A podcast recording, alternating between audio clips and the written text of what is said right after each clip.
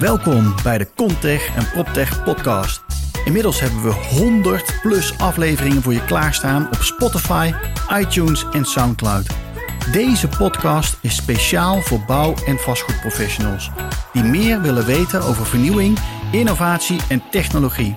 Ik praat met leden en niet-leden over ESG, net zero buildings, bouwen met hout, digitalisering, smart and healthy buildings, duurzaamheid, enzovoort, enzovoort, enzovoort. Alles over vernieuwing in bouw en vastgoed. Mijn naam is Wouter Truffino. Luister je mee?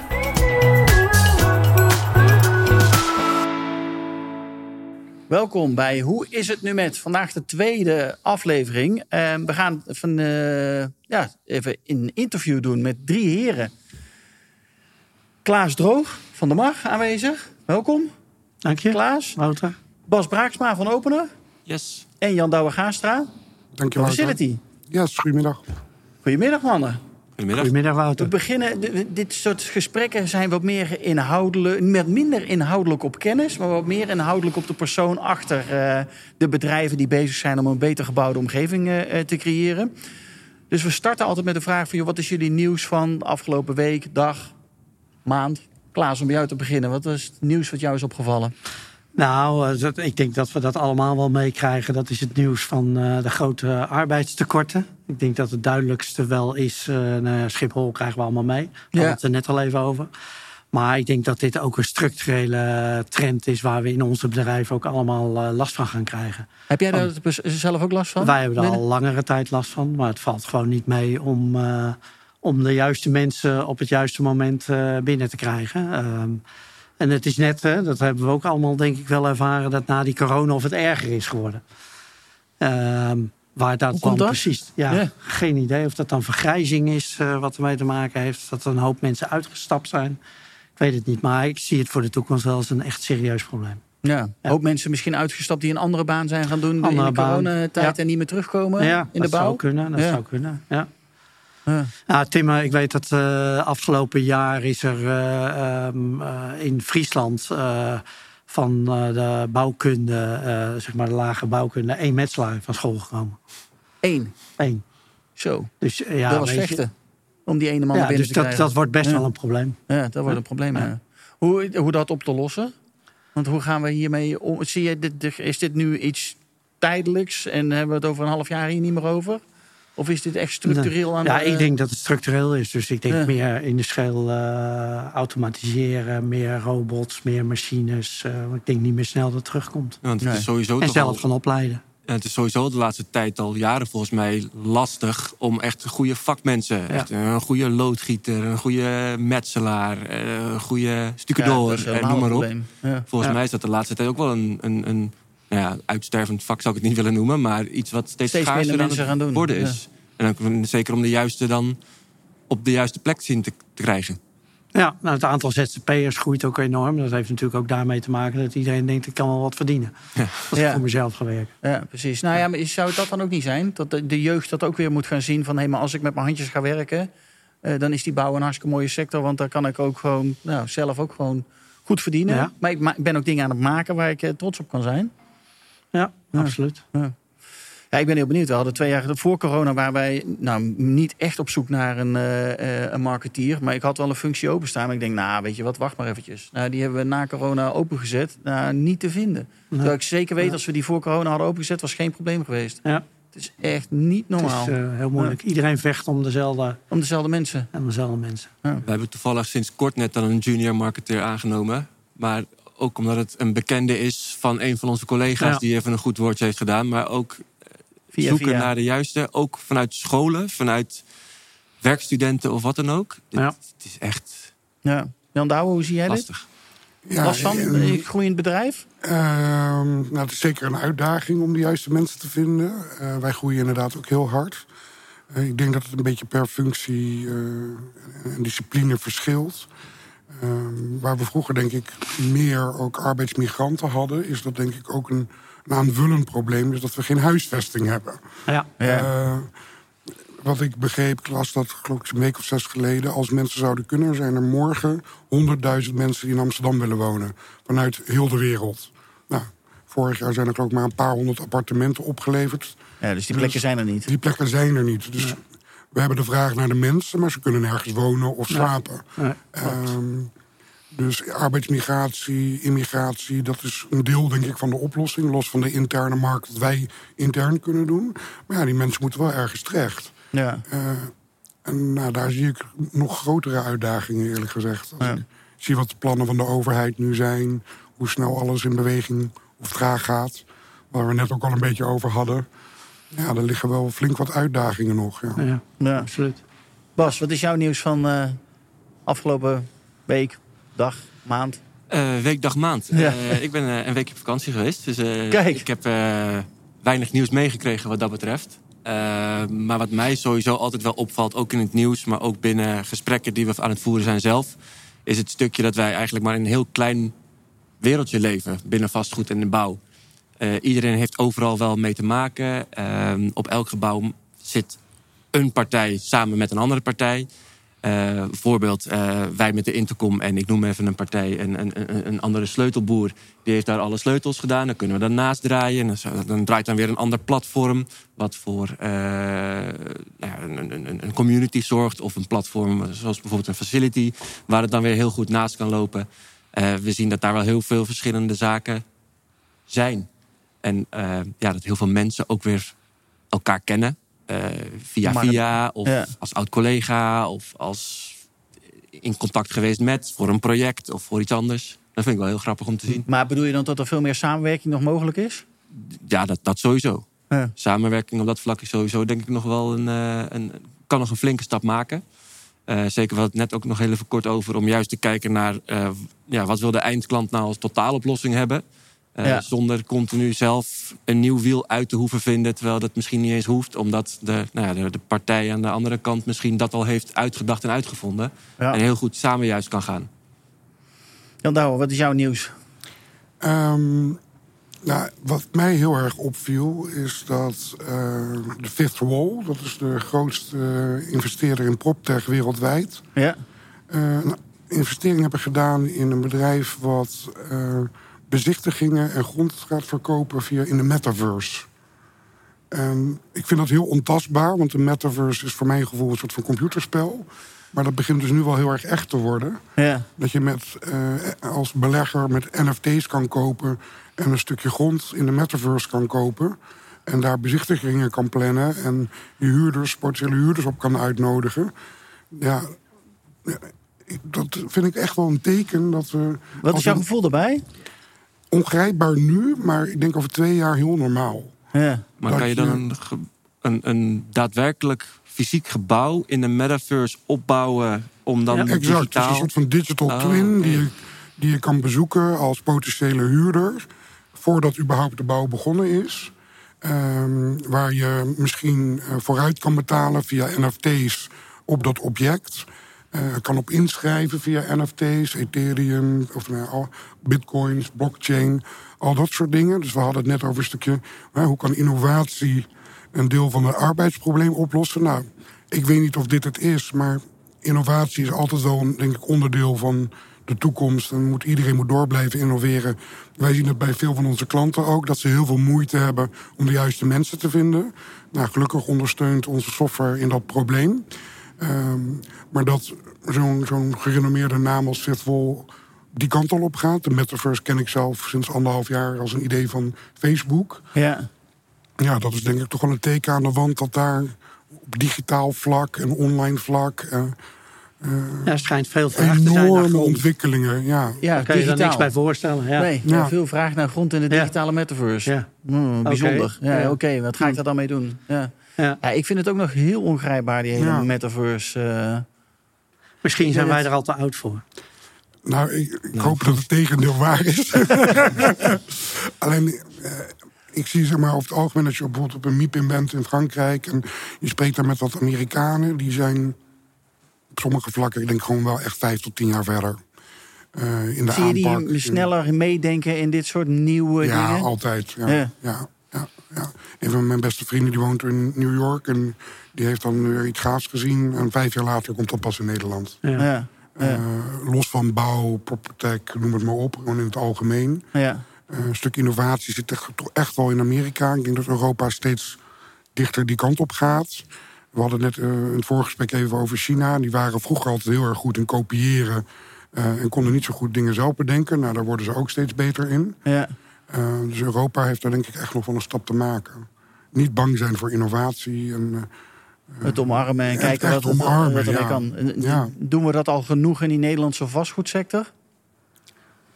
Is Lastige vraag. vraag aan mij? Ja, nee, ja, maar, nou ja, maar eh, dingen zoals... De, de- vijf jaar geleden was blockchain bijvoorbeeld helemaal hot. En toen Ja. hebben we in Nederland hebben we ook een aantal eh, evenementen gehad... rondom blockchain in, in, in vastgoed. Nou, die waren echt druk bezocht. Daar kwam iedereen op af. Ja. Dus dan had je wel zoiets van... Nee, maar wacht eens even. De mensen zijn wel leergierig dan op een, een of andere manier. Tuurlijk is die Valley of Des daar ook in eh, voor blockchain in terechtgekomen. Ja. En misschien komen er nu wel, wel eh, langzaam wat oplossingen eh, concreet.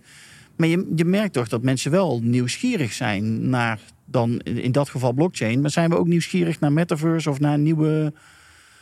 nieuwsgierig genoeg wat jou betreft? Dus even nou.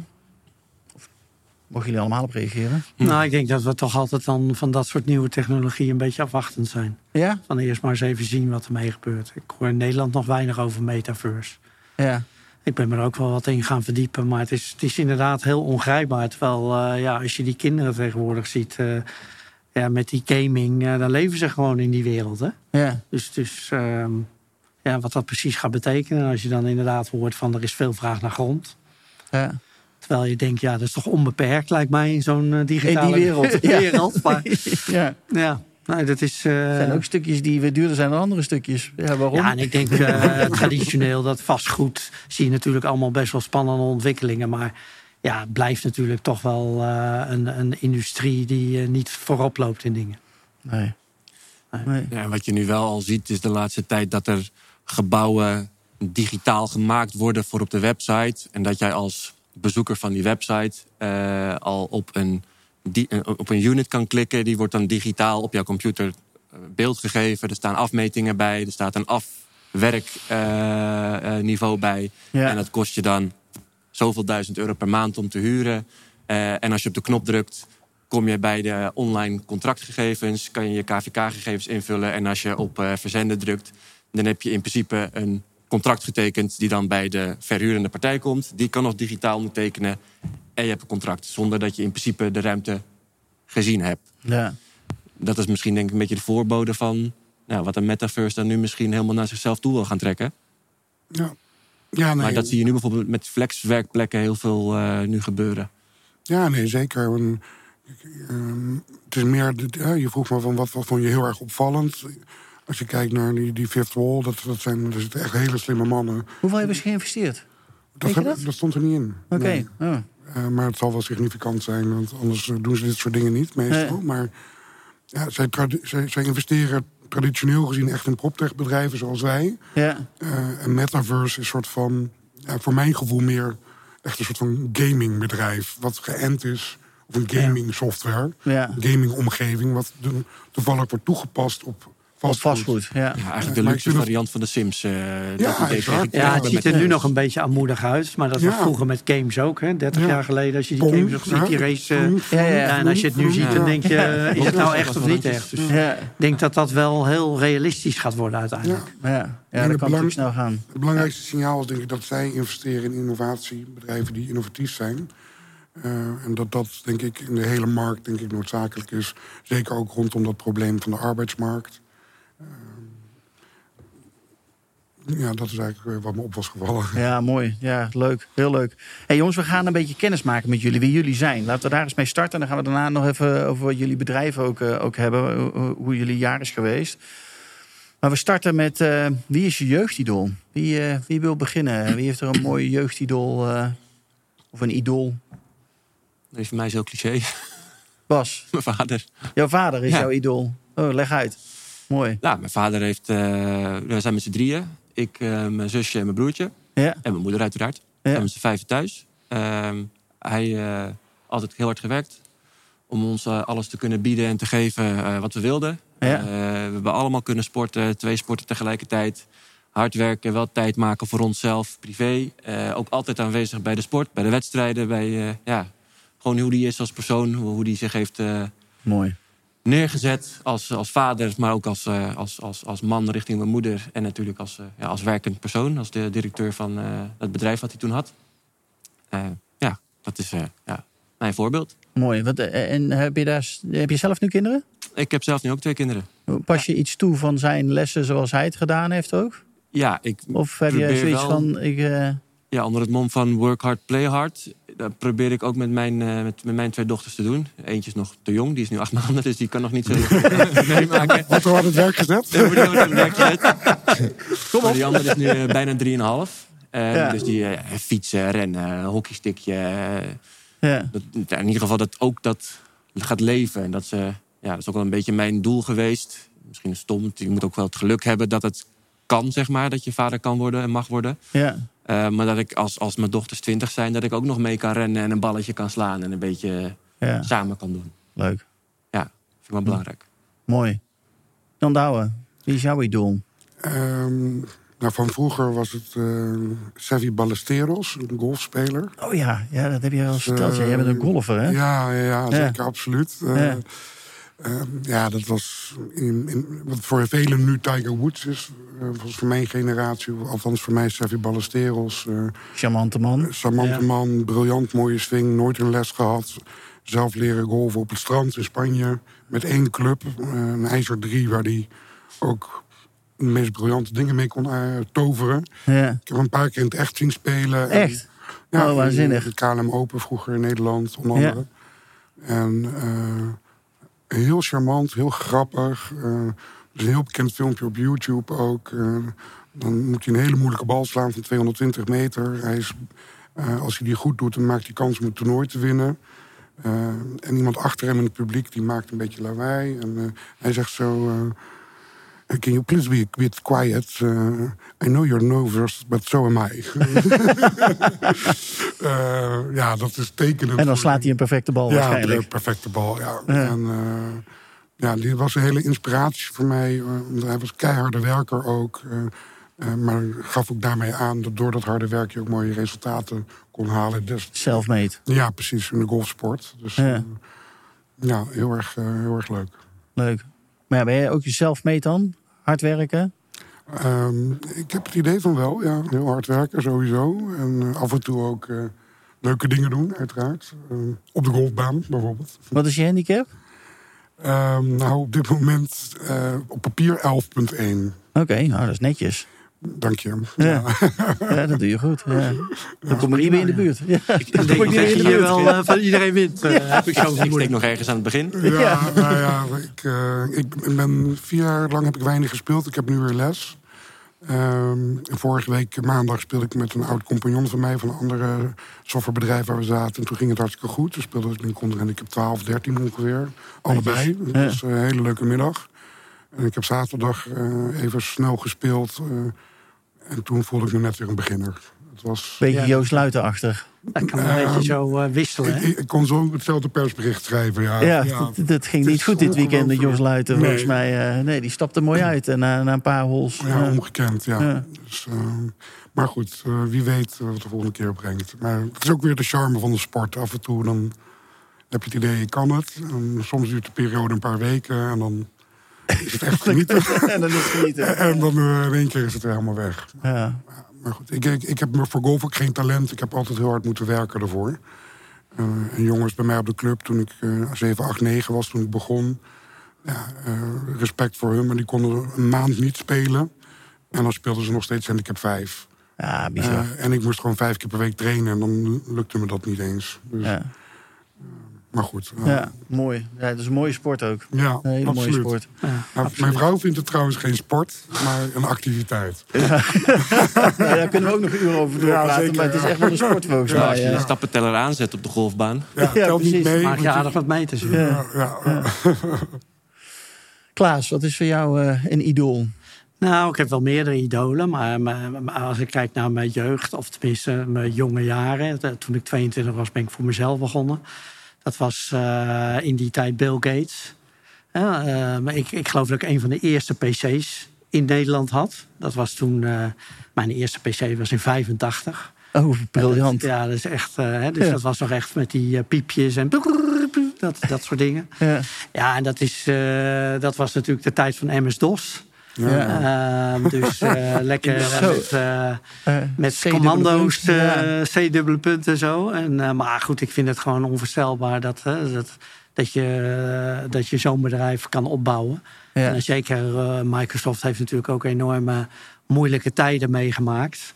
Maar als je ziet hoe ze nu eh, het doen met het Azure en, eh, en een Ja, hele cloud business, dat is ongekend. Dus eh, nee, dat weet ik van vroeger eh, had ik daar altijd wel eh, respect voor. Want het is natuurlijk een jongen die geen, geen school heeft afgemaakt en voor zichzelf is begonnen en een plan had en het gewoon is gaan doen. Dus dat heb ik altijd wel bewonderd. En als je dan zoiets groots bouwen, Zoiets groots bouwen. dat is ja. ongekend. Ja, dat kunnen maar weinig mensen, denk ik. Ja, Nou ja, en, vergelijkbaar nu is dat natuurlijk eh, Elon Musk. Ja, of een Eh, Jeff dat, Bezos. dat, dat vind ik Ja. ongelooflijk dat één iemand de wereld kan veranderen. Want daar praat je in principe over. Hè? Ja, en zouden niet elektrisch rijden als hij niet met Tesla begonnen was. Heel simpel. Dat, dat vind ik knap. Ja. ja, en niet alleen dat, want dan doet hij ook nog SpaceX erbij. En Ja. eh, wat doet hij allemaal wel niet? Ja. En de Hyperloop. Hyperloop. En eh, wat Twitter. is allemaal aan het Ja. doen, joh. Dat is, eh, Twitter wil hij kopen. Dat is ongekend wat hij... eh, Wij zijn ook met hem in gesprek nu. Ja. ja. ja, waarom ook niet? Toch? Ja, ongekend dat soort mensen. Ja. Ja. Lees je dan ook veel boeken daarover? Nou, ik probeer altijd wel veel biografieën te lezen. Ja, want daar toch altijd veel eh, in staat over de persoon. En eh, ik ben nu in de biografie van eh, Jeff Bezos begonnen. Ook een erg vermakelijk boek, kan ik iedereen aanraden. Ehm, Haal je daar dan ook wat dingen uit voor jezelf? Ja, Die je probeert toe ja er, zijn, nou, er zijn wel dingen die je dan, eh, die je dan opvallen. Dat je hè, hele specifieke dingen waardoor die cultuur geworden is zoals die is geworden bij zo'n bedrijf. Maar ja, dat is nooit te kopiëren. Hè? Dus, dus uiteindelijk moet je, eh, haal je de dingen uit waarvan je denkt, hé, hey, dat is grappig. Of dat kan ik ook eens proberen. Of, eh, maar zeg maar de basis, hè, het maken van een cultuur. Ja, dat kan je niet kopiëren. Is altijd, dat is het enige verschil tussen het ene en het andere bedrijf. Is natuurlijk de cultuur. Ja. Alles kan je, kan je kopiëren. Je kan eh, producten kopiëren, processen kopiëren. Maar een cultuur niet. Nee. nee En die- dat die zie je wel vormen. vaak bij die bedrijven. Ja. Dus, eh, En nee, zijn dus- zij daar dan extreem goed in om zo'n cultuur te maken... waardoor het ook zo'n succes wordt? ja. Ja. Ja, dat heeft allemaal. Ik vind die, die, dat zie je bij Elon Musk ook. Die hebben een extreme mate van implementatie van hun waardes binnen de onderneming. Dat valt me altijd op in die boeken. Dus eh, eh, bij, bij Microsoft of bij, bij eh, Tesla is het zo dat als je niet innoveert, word je ontslagen. Want innovatie is een belangrijke waarde voor hen. Als je wel innoveert, maar het lukt niet, moet je nog wat harder je best doen, maar mag je nog blijven. En als je innoveert en het lukt, dan ga je meer verdienen of je promoveert. Ja. En zo wordt die cultuur helemaal. Maar dat is ook echt Amerikaans. Hè? Ik bedoel, Ja. dat zou hier niet, Dat zou hier niet eens werken. zou hier niet werken. Nee. Ja. Nee, Dus- bijzonder. Mooi om te horen, jullie idolen. Hey, eh, dan gaan we door naar eigenlijk wie, ehm, wie wilde je worden toen je klein was? Bas, wie wilde jij, wat wilde je worden toen je klein was? Zo. Ehm, een geslaagd persoon. Kijk, een mooi antwoord. Ja. Niet specifiek iemand, Ja. niet specifiek iets. Maar gewoon succesvol, happy met wie je dan bent, met wie je dan bent en met wat je dan hebt. Ja. En wat is dat voor jou? Ehm, ook lastig. Ik ben niet heel materialistisch. Dus het gaat bij mij niet zozeer om dat ik een bungalow of, of, of iets dergelijks wil hebben. Ik wil gewoon ja, huis, huisje, boompje, beestje. Ja. Eh, en dat heb ik. Eh, ik. Ik ben nu hartstikke gelukkig met eh, mijn vriendin. Ehm, nou, met de twee kids. Het huisje. We wonen in Castricum. Super relaxed. Eh, ik kom zelf uit Amsterdam. Dus ik had altijd gedacht van ik, ik heb die reuring nodig. Eh, en ik ben eh, verhuisd naar Castricum. En ik vind het heel, heel erg lekker dat ik de drukte kan opzoeken. Maar thuis kan komen in, In in rust. rust. En Ja. in een hele rustige omgeving. Eh, strand, bos, duinen, alles om de hoek. Voor de kids ook super. Ja, ehm, ja werk. Ehm, ja, ook niet specifiek een bepaald doelstelling qua ik moet die functie hebben. Of ik moet zoveel verdienen. Eh, ik moet het er naar mijn zin hebben. Ik moet, mm, wat ik daar verdien, moet ik in ieder geval alles draaiende kunnen houden thuis. Ehm, ook gewoon op vakantie kunnen gaan wanneer, eh, wanneer we willen. Ja. Eh, en niet overal ja, het dubbeltje hoeven of moeten omdraaien. Zoals eh, ja, veel mensen vroeger wel moesten doen. En nu ook nog steeds overigens. Ja. Hoe ben jij dan in de, eh, nou ja, beland bij, bij wat je nu aan het doen bent in de bouw- en vastgoedwereld? Ja, eh, ik kom uit de hospitality-wereld. Ik heb middelbare hotelschool en hogere hotelschool gedaan. Ehm, via die tak ben ik in de catering beland. Heb ik als eh, locatieverantwoordelijke voor Johnny River. Bij Hutte Catering heb ik gewerkt. Ja. En Johnny River was dan weer een gebouw van Merin. Merin Vastgoedmanagement. Ehm, ja, zo ben ik eigenlijk daar binnen gerold. Ik ben daar als hospitality tak binnengekomen. En ik deed uiteindelijk stukjes... Ja, ben ik over gaan nemen wat schijnbaar eh, goed is bevallen. Zo ben ik bij En dan rol je eh, van de ene in de andere. ja, en, en eh, dan hoor je heel veel mensen van hoe kom je dan in het, vast, in het vastgoed vanuit hospitality. Ja. Ja, of ik nou een glas water of een kop koffie bij iemand neerzet, die transactie. Of dat ik nou een ruimte verhuur. Dat, het is ook een transactie, alleen het product is anders. Ja. Maar het valt allemaal in staat met de communicatie. Hoe jij als persoon die ander benadert. Hoe jij je product verpakt, inpakt. Ehm, ja, en het product zelf, kijk, natuurlijk, het moet een goed kop koffie zijn. En de unit die je dan verhuurt moet van goede kwaliteit zijn. Dat is natuurlijk ook wel Ja, precies. eh, een ding. Ehm, maar zo ben ik eh, het vastgoed eh, binnengekomen. Dan heb ik daar drieënhalf jaar, vier jaar gewerkt. En vanuit vastgoed in contact gekomen met openers. ja, En, dan ja, eh, nu zit ik aan de andere kant van de tafel. een cirkeltje rond. Ja, dus ik ben zelf gebouwbeheerder geweest. Ja. En ja, ik zit nu aan de andere kant van de tafel. Dus ik kan ook wel heel goed de pijnpunten raken. eh, en dan juist daarop eh, verder eh, inschieten wat dan voordelen zouden kunnen zijn. En, op, en de oplossing. Ja. Ja. cool. Hey Jan Douwer, wat is het van jou? Wat, wat wilde jij worden toen je klein was? Wilde jij de Steve Ballet, eh, Ballesteros worden? Nou, dat was meer mijn idool, maar ik kwam er vrij snel achter, wat ik net ook al een beetje aangaf, dat ik niet goed genoeg kan Niet goed. Nee. om Dus die werd het dat pad te niet? gaan bewandelen. Dat werd het niet? Dat werd het niet. Mijn ouders die dachten eigenlijk altijd direct al van... joh, die Jan Douwe die gaat net als papa ondernemen. Ehm, dat zit ook een beetje in onze familiehistorie van Gaastra. Het zijn eigenlijk allemaal ondernemers. Maar op Is dat moment... ook van de Gaastra van de kleding? eh? voor, voorheen zeilen en kleding Precies, is daar ja. een beetje daarna gekomen. Maar dus voor een andere middag kan ik je dat wel eens een keer verder toelichten... hoe dat allemaal ge- gegaan is en wat er nog meer eh, is gebeurd. Eh, zit ook in de fietsenbusiness en schaatsen en zo. ja. Ehm, maar goed, mijn ouders dachten altijd van ja, het is een zoon van Douwe. Mijn vader heette Douwe, die gaat ook ondernemen. En op een gegeven moment toen vroegen ze aan mij van ja, Jan Douwe, wat wil je eigenlijk laten worden? En ik zei, ik wil graag dokter worden. En mijn ouders allebei zo, hoezo? Ik zei, nou, dokter van de ploeg van Zeggens A, die helpt mensen.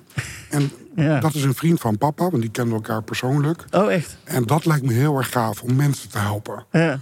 Dus mijn vader en moeder, die Dat wordt een heel lang eh, toen- etentje werd dat eh, die zeiden toen, wat leuk Jan Douwe dat je dokter wil worden en mensen wil gaan helpen. En later vertelde mijn moeder me dat ze in bed hadden gelachen van... die wordt helemaal geen dokter, dat wordt ondernemer. en twee jaar later, toen... ehm, Toen ben je wel geneeskunde gaan studeren. nee, Oh. toen, toen was ik een jaar of tien, elf. En eh, toen eh, brak ik mijn vinger op de speelplaats op school. Oh, En Oké, dit was echt nog bloed spoot eruit. Ja. En toen kwam ik erachter dat ik niet tegen bloed kon. En toen ben ik maar ondernemer. eh, la- langzamerhand ondernemer geworden. Ja. Oh, maar dit was echt heel jong. Je was echt eh, 9, 11. ja, ja, ja, ja, ja. Dus toen ben ik begonnen met parfum verkopen. eh, zelfgemaakte parfum. Van gedroogde bloemen. En die weekte ik dan in water. En het werd dan de parfum. Eh, en autowassen heb ik veel gedaan. Dat was, ik noem dat dan eh, de Douwes Autowasservice. BV, maar dat was natuurlijk helemaal niks. maar ja, auto's wassen heb ik een tijd gedaan. En in mijn studententijd had ik een bierbezorgservice in Rotterdam. En verkochten wij studenten bier, maar eigenlijk nog veel meer eh, maandverband, frisdrank tegen de kater.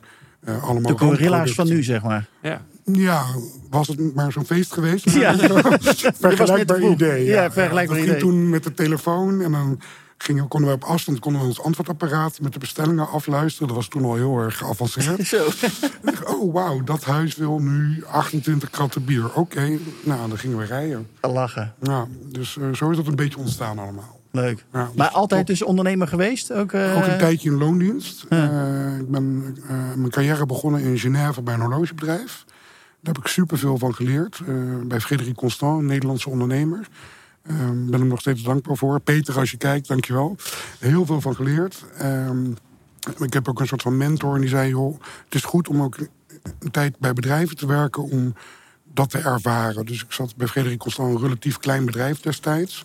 Waar ik geloof ik 40 man ongeveer. Ja. Eh, daarna ben ik naar PON gegaan. Dus je had heel veel contacten. Je kon heel Ja. snel van heel veel mensen kon je... heel veel leren. heel veel ja. leren, Ja. ja. Ik werkte toen ook meertalig en in twee tijdzones. Dus ik had, of drie eigenlijk, 's ochtends Azië, 's middags Europa, s'avonds Amerika. Amerika. Ja. Ehm, en binnen het bedrijf sprak ik dan vier, vijf talen ook. Dus ik heb daar heel veel ook met cultuurverschillen te maken gehad. Leuk. Ehm, en toen een tweede stap gemaakt naar PON Automotive, PON Holdings. Ehm, nou, dat is een, een familiebedrijf, een van de grootste van de wereld, maar opereert meer als een corporate. Er werken toen denk ik 11.000 mensen of zo. Ehm, en toen ben ik weer de ondernemerskant op gegaan. Toen ja. was het klaar. Ja, ja, eigenlijk wel. Genoeg geleerd. Nou wil ik ja. eigen baas zijn. Ja, Ja. eigenlijk wel, ja. Ja. Mooi. Eh, Klaas. Ja, ik, eh, toen geweest? ik eh, klein was, toen eh, wilde ik altijd motoragent worden. Motoragent. cool. Ja, dat is ook gaaf. Dus, maar ja, dat was wel vrij snel duidelijk dat het niet ging lukken. Want ik heb toen ik drie was een topje van een stukje Oh. van mijn vinger. eh, ja. nou ja, dat is een beetje moeilijk te trekken overhalen. ja. Bleek al snel. Nou, daarnaast was ik ook nog kleurenblind. bleek. Dus ja, dan, dan- dus dat viel dan vrij snel af. Maar dat was wel altijd mijn. leek me geweldig. Vrijheid. Zo'n motor, een beetje door het land scheuren. ja. Boeven vangen. Boeven vangen. dus, eh, ja, apart hè? Ja, apart. Ja. Nou, dat vind ik ook altijd wel grappig. Zeg ik in ons bedrijf ook altijd. Wij hebben bijvoorbeeld HSB-tekenaars. wij hebben tekenaars die zeg maar houtconstructies tekenen. En ik leg ook altijd uit van ja, niemand wordt geboren als HSB-tekenaar. nee. Er is niemand die vier jaar oud is of acht of tien en denkt... En die denkt, daar ga ik nou eens doen. ik word later HSB-tekenaar. En Dan wil je allemaal dokter, agent, notaris, weet ik veel wat worden. Ja. Dus eh, daarmee geef ik altijd aan van je rolt daarin. En uiteindelijk ontwikkel je in dat vak. Ja. Maar motoragent was altijd mijn... eh, maar dat heb ik eh, relatief jonge leeftijd al losgelaten. En wat ben je uiteindelijk gaan doen?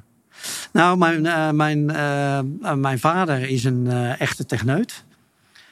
Dus die heeft een beetje de kant van de techniek opgestuurd. En mijn moeder die had een, een, ehm, een vader die vertegenwoordiger was. Dus daar zat veel heel erg de commerciële kant op. Dus uiteindelijk ben ik wat met techniek gaan doen.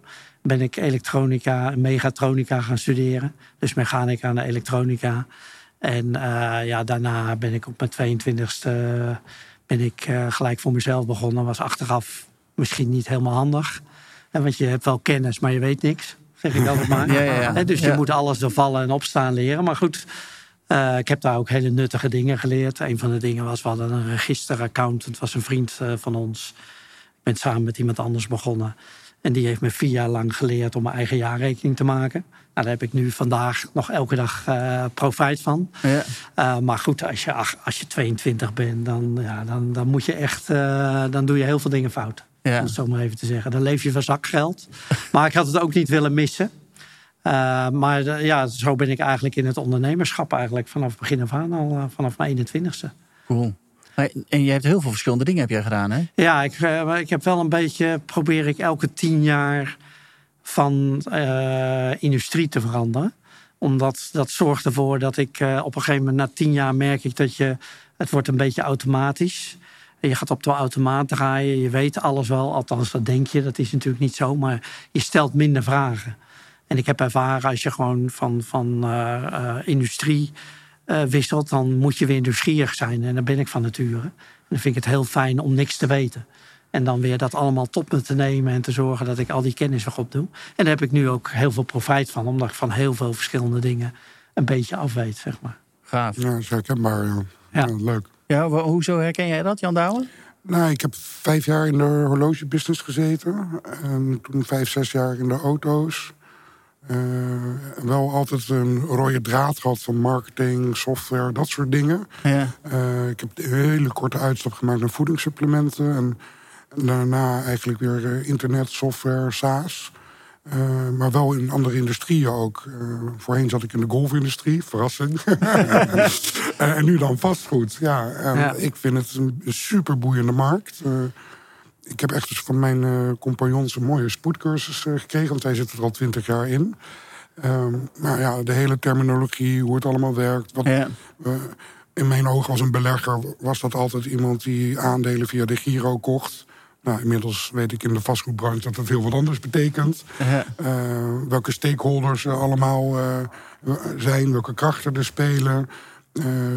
Wat voor bepaalde stakeholders echt belangrijk is en voor anderen niet. Eh, er zijn heel veel raakvlakken, maar sommige eh, zijn totaal tegenpolen aan elkaar, terwijl ze wel samen door één deur moeten.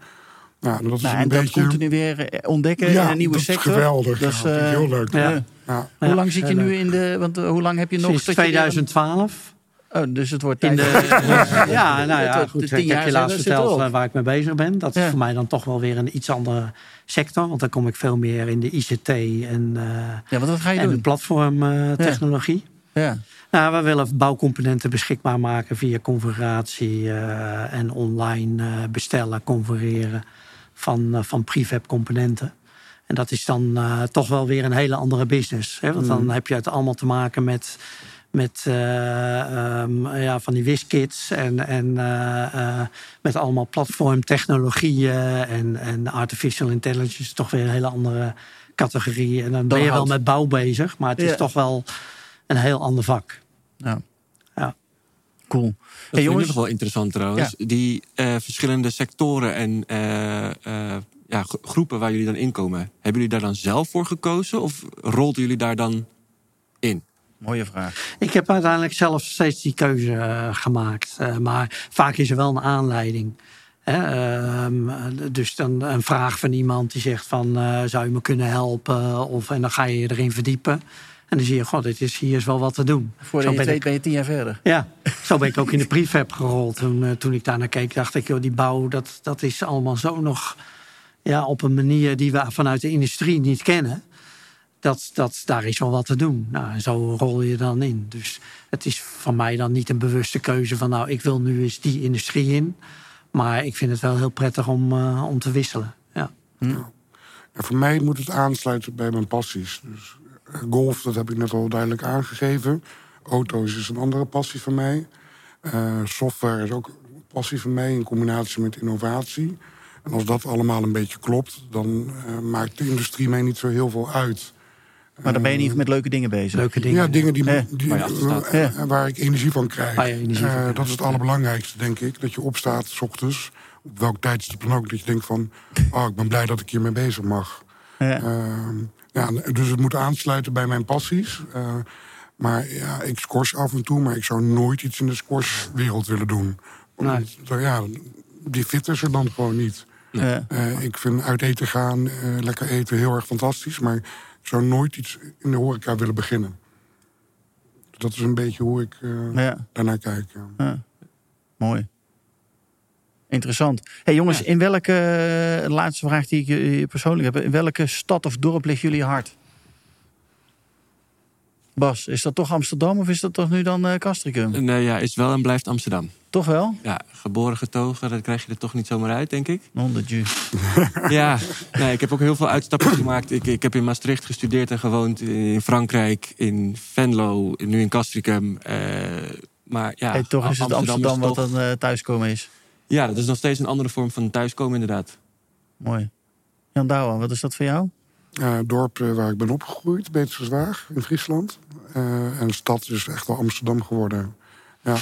Ehm, maar ja, het is, ja, het is Amsterdam, maar ik, als ik in Rotterdam kom, daar heb ik tien jaar gewoond. Dan, ja, dan, er is iets in, qua business zit er iets in Rotterdam wat ik gewoon heel gaaf vind. Dat aanpakken, dat doorpakken. Ja. En alle, alles wat Amsterdam zo leuk maakt, dat is, ja, ik zou het liefst ze samenvoegen tot één. Ik denk dat niemand dat met me eens is. Maar, Dat wordt weer lastig. maar ja, dat wordt weer Er lastig. tussenin bouwen. En Ja. Ja, maar we hebben dan Den Haag, maar dat ken ik niet zo goed. En hoe Eh, brengen, brengen we dan de mix van Friesland daarin? ehm, Want dan ja, begin dat vind ik een goede vraag. Nou, wat ik, dat staat ook letterlijk op onze offertes. Uh, Friesen zijn gewoon extreem betrouwbaar. Eh, en ik denk dat dat in zaken doen een van de allerbelangrijkste dingen is. En ik merk dat dat. Dan heb ik niet alleen over afspraak is afspraak, maar in de, in de grotere context van zaken doen. Ik denk dat Friesen daar een hele goede reputatie hebben. Eh, en dat dat. Nederlanders in het algemeen ook trouwens hoor. Maar eh, dat betrouwbare, dat eerlijke, dat, dat, eh, ja, dat mis ik soms in Amsterdam wel een beetje. Niet in zozeer in vastgoed, maar het lijkt al, soms lijkt het alsof er een beetje een tweede agenda is of zo. Ik weet niet of jullie dat herkennen. Ehm, in Rotterdam is het meer zo, ik vind je leuk, ik vind je niet leuk, we gaan het doen of we gaan het niet doen. Ja, ja, ja. ja. Ehm, dus dat, ik zou zeg maar die eerlijkheid en betrouwbaarheid van de Friese uh, doorzetters, vermogen van de Friese, dat zou ik überhaupt alle Nederlanders aanraden. oh, nou, nou, nou, wat heb je nu gezegd? Jij stelt de vraag. Ja. Deze had ik niet zien aankomen. Ja. Klaas, dat is het. Nou ja, ze werken ook. Uh, er wordt ook hard gewerkt, vind ik. Ja. Als je in de fabriek uh, bij ons in Gauw kijkt, dan. Uh, ja. ja, er wordt gewoon hard gewerkt. Ja. Dus dat, dat zit ook wel een beetje in de Friese. Ja, ja bij mij is het eigenlijk de provincie, en dat is de provincie Friesland. Want ik ben opgegroeid in.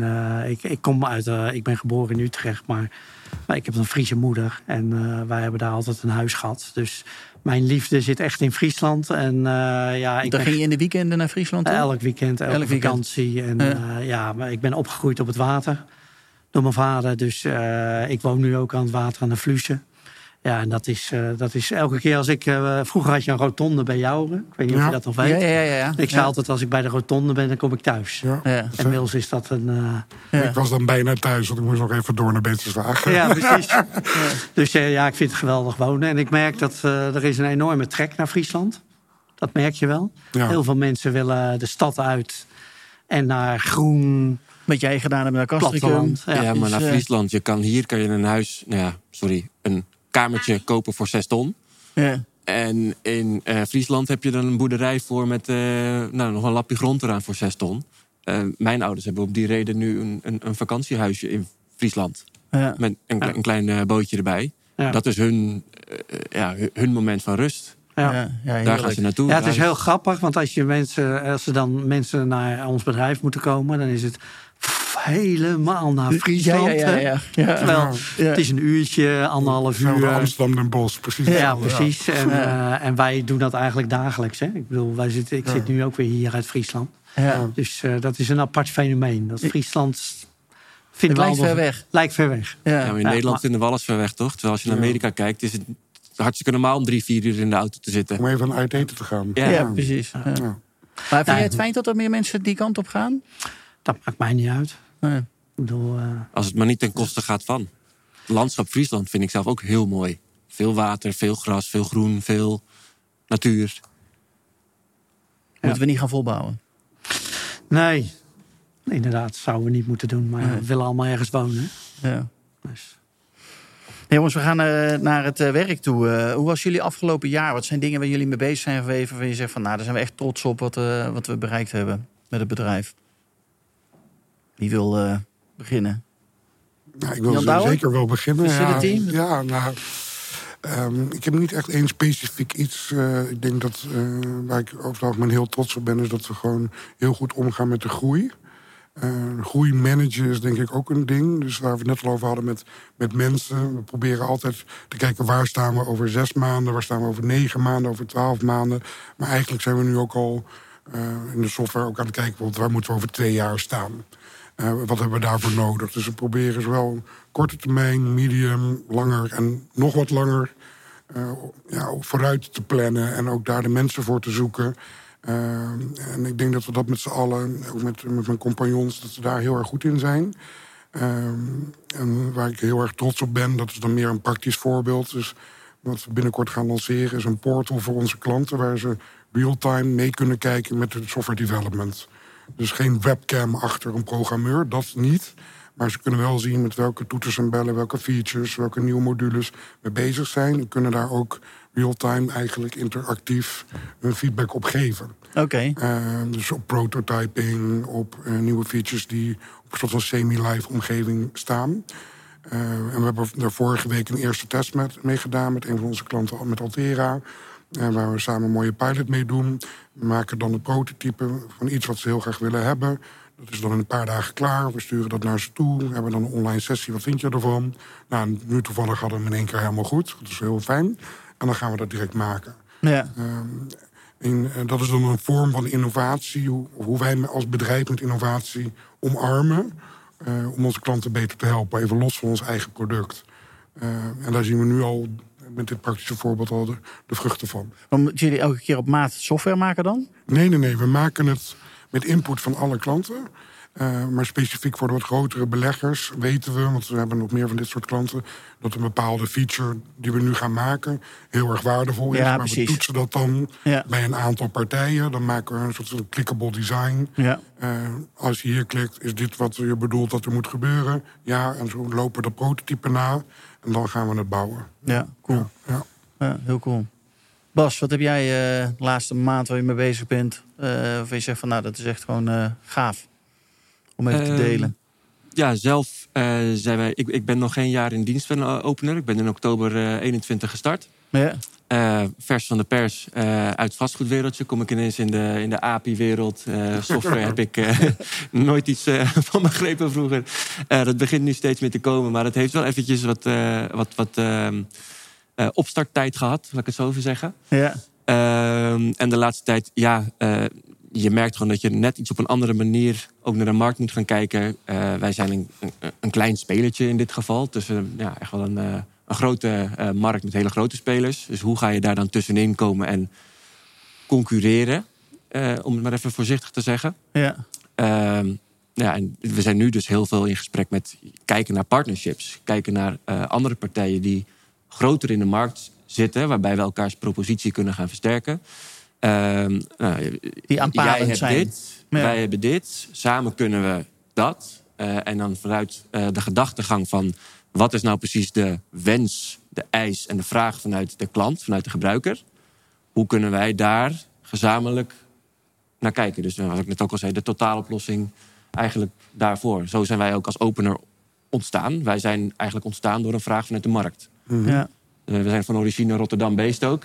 Rotterdam uh, is, is, opener geboren. Ja. Uh, de vraag is gekomen uit uh, Stadsverstel Rotterdam. Uh, en die had gewoon een vraag neergelegd bij nou, onze co-founder Jan Ballon. Ja. Ehm, wij willen toegang, uh, maar we zitten in een monumentaal gebouw. We mogen niet boren. we willen geen kabels trekken, maar het moet, we hebben ook geen receptie. Maar we moeten dus wel iets flexibel, uh, persoonlijk, voor onze bezoekers, voor de gebruikers, et cetera. Nou, en daar is opener uiteindelijk. Uh, Maak het maar, ga maar bedingen. Ja. Dus vanuit de vraag vanuit de markt. En zo proberen wij ook eigenlijk al onze dingen te bekijken. Wat wil de markt nou precies? In plaats van, van kijk ons nou eens een keer een prachtig mooi product hebben.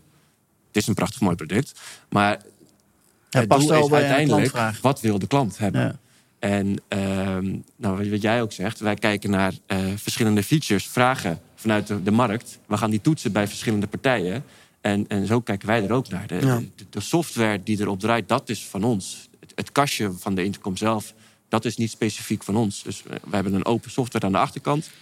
Met API's, waar we dus kunnen kijken naar bepaalde koppelingen, integraties. Het, het uitsturen van data naar verschillende partijen. Om zo uiteindelijk, maar dat is future vanuit één platform een heel gebouw gezamenlijk kan voorzien voor uh, toegangscontrole, deur openen, uh, gebouwklimaatbeheersing. Uh, nou ja, verzin het maar. Het hele totaalpakket in één platform. Dat is denk ik wel een beetje de, de utopie.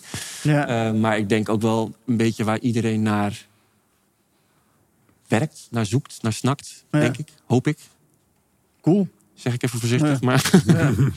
Leuk. Leuk om in ieder geval waar wij naar aan het eh, eh, Ja. kijken zijn. Ja, ja, mooi. Klinkt goed. Klaas, wat is het voor jou? Nou ja, bij. platform waar je mee bezig bent? Nou, nee, ik denk dat wat, wat denk ik, ehm, eh, wat ik heel erg knap vind van eh, iedereen die bij de MAR werkt, is wij hebben twee hele moeilijke jaren achter de rug. Ehm, en de veerkracht die zeg maar iedereen binnen onze onderneming toch laat zien.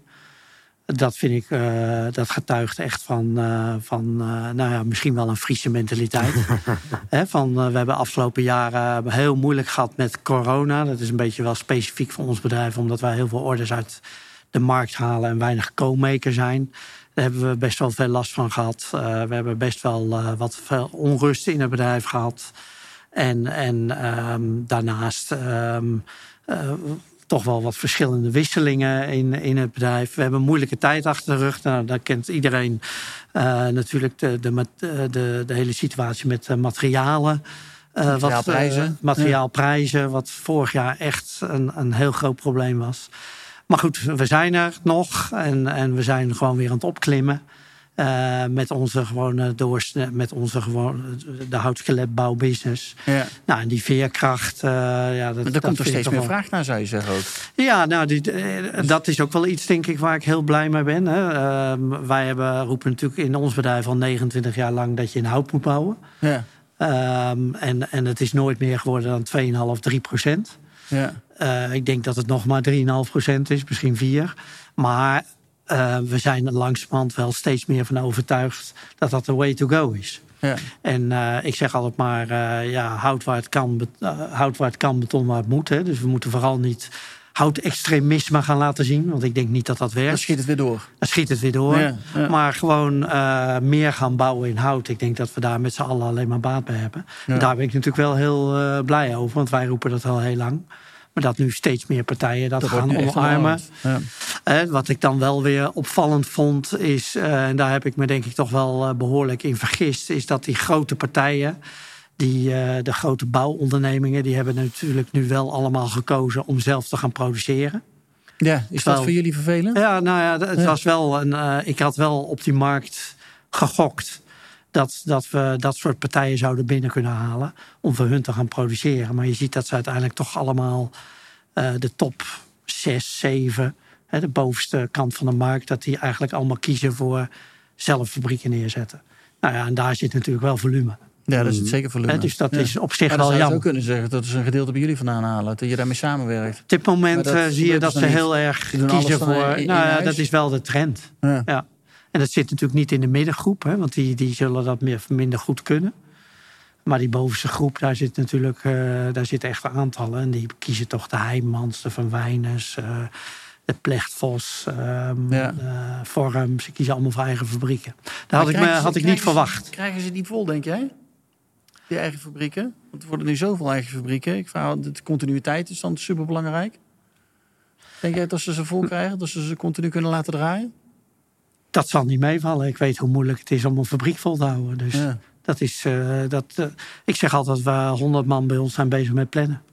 Omdat 94% van onze projecten verschuift naar achteren. Dus dat betekent uh, dat wij eigenlijk alleen maar bezig zijn met ja, continu vragen wanneer wil je het hebben, wanneer wil je het hebben, wanneer wil je het hebben. En dat tot twee dagen voor de leeftijd moet het nog steeds komen. Totdat het dan toch maar niet hoeft te komen. En wij hebben anderhalf hectare vol met product staan. En daar moet om die reden. Dus het zal niet. Maar uh, ja, op het moment dat je je eigen bouwstom uh, kan uh, creëren, ja, waarom zou. Ja, dan is het. Dan, dan zou het misschien wel kunnen. Ja. Ik, ik moet het gaan zien, maar ik ben heel nieuwsgierig. Maar dat was wel iets waar ik me toch wel op gerekend had en wat niet uitgekomen is, dat die grotere bedrijven ook zouden zelf gaan produceren. Helemaal zelf. Ja. Dat betekent dat ze nog steeds wel veel uitbesteden natuurlijk, maar ze hebben wel de trend om de hele keten te gaan pakken. Dat is toch wel en daardoor meer controle te kunnen uitoefenen op de standaardisatie, op de productie, op de industrialisatie, de robots en dergelijke. Ja. Dat zie je toch wel gebeuren. Nou, interessante ontwikkeling. We blijven het volgen zeker. Ja. Mannen, dank jullie wel dat jullie hier uh, aan tafel uh, zaten. Heel graag gedaan. Ja. Dank voor de uitnodiging. Ja, leuk gesprek. En ik hoop jullie allemaal terug te zien ook in september. Uh, want in september gaan we het Kennisfestival organiseren. Op de Zuidas, 20 tot en met 22 september. Ik hoop dat jij daar ook bij bent. www.rebf.nl. Op de volgende slides uh, zie je hem staan. En dan kun je ook nog je ticket uh, kopen. En dan zien we elkaar in september. Fijne zomer allemaal en een fijne dag. Tot ziens. Dank je. Tot ziens.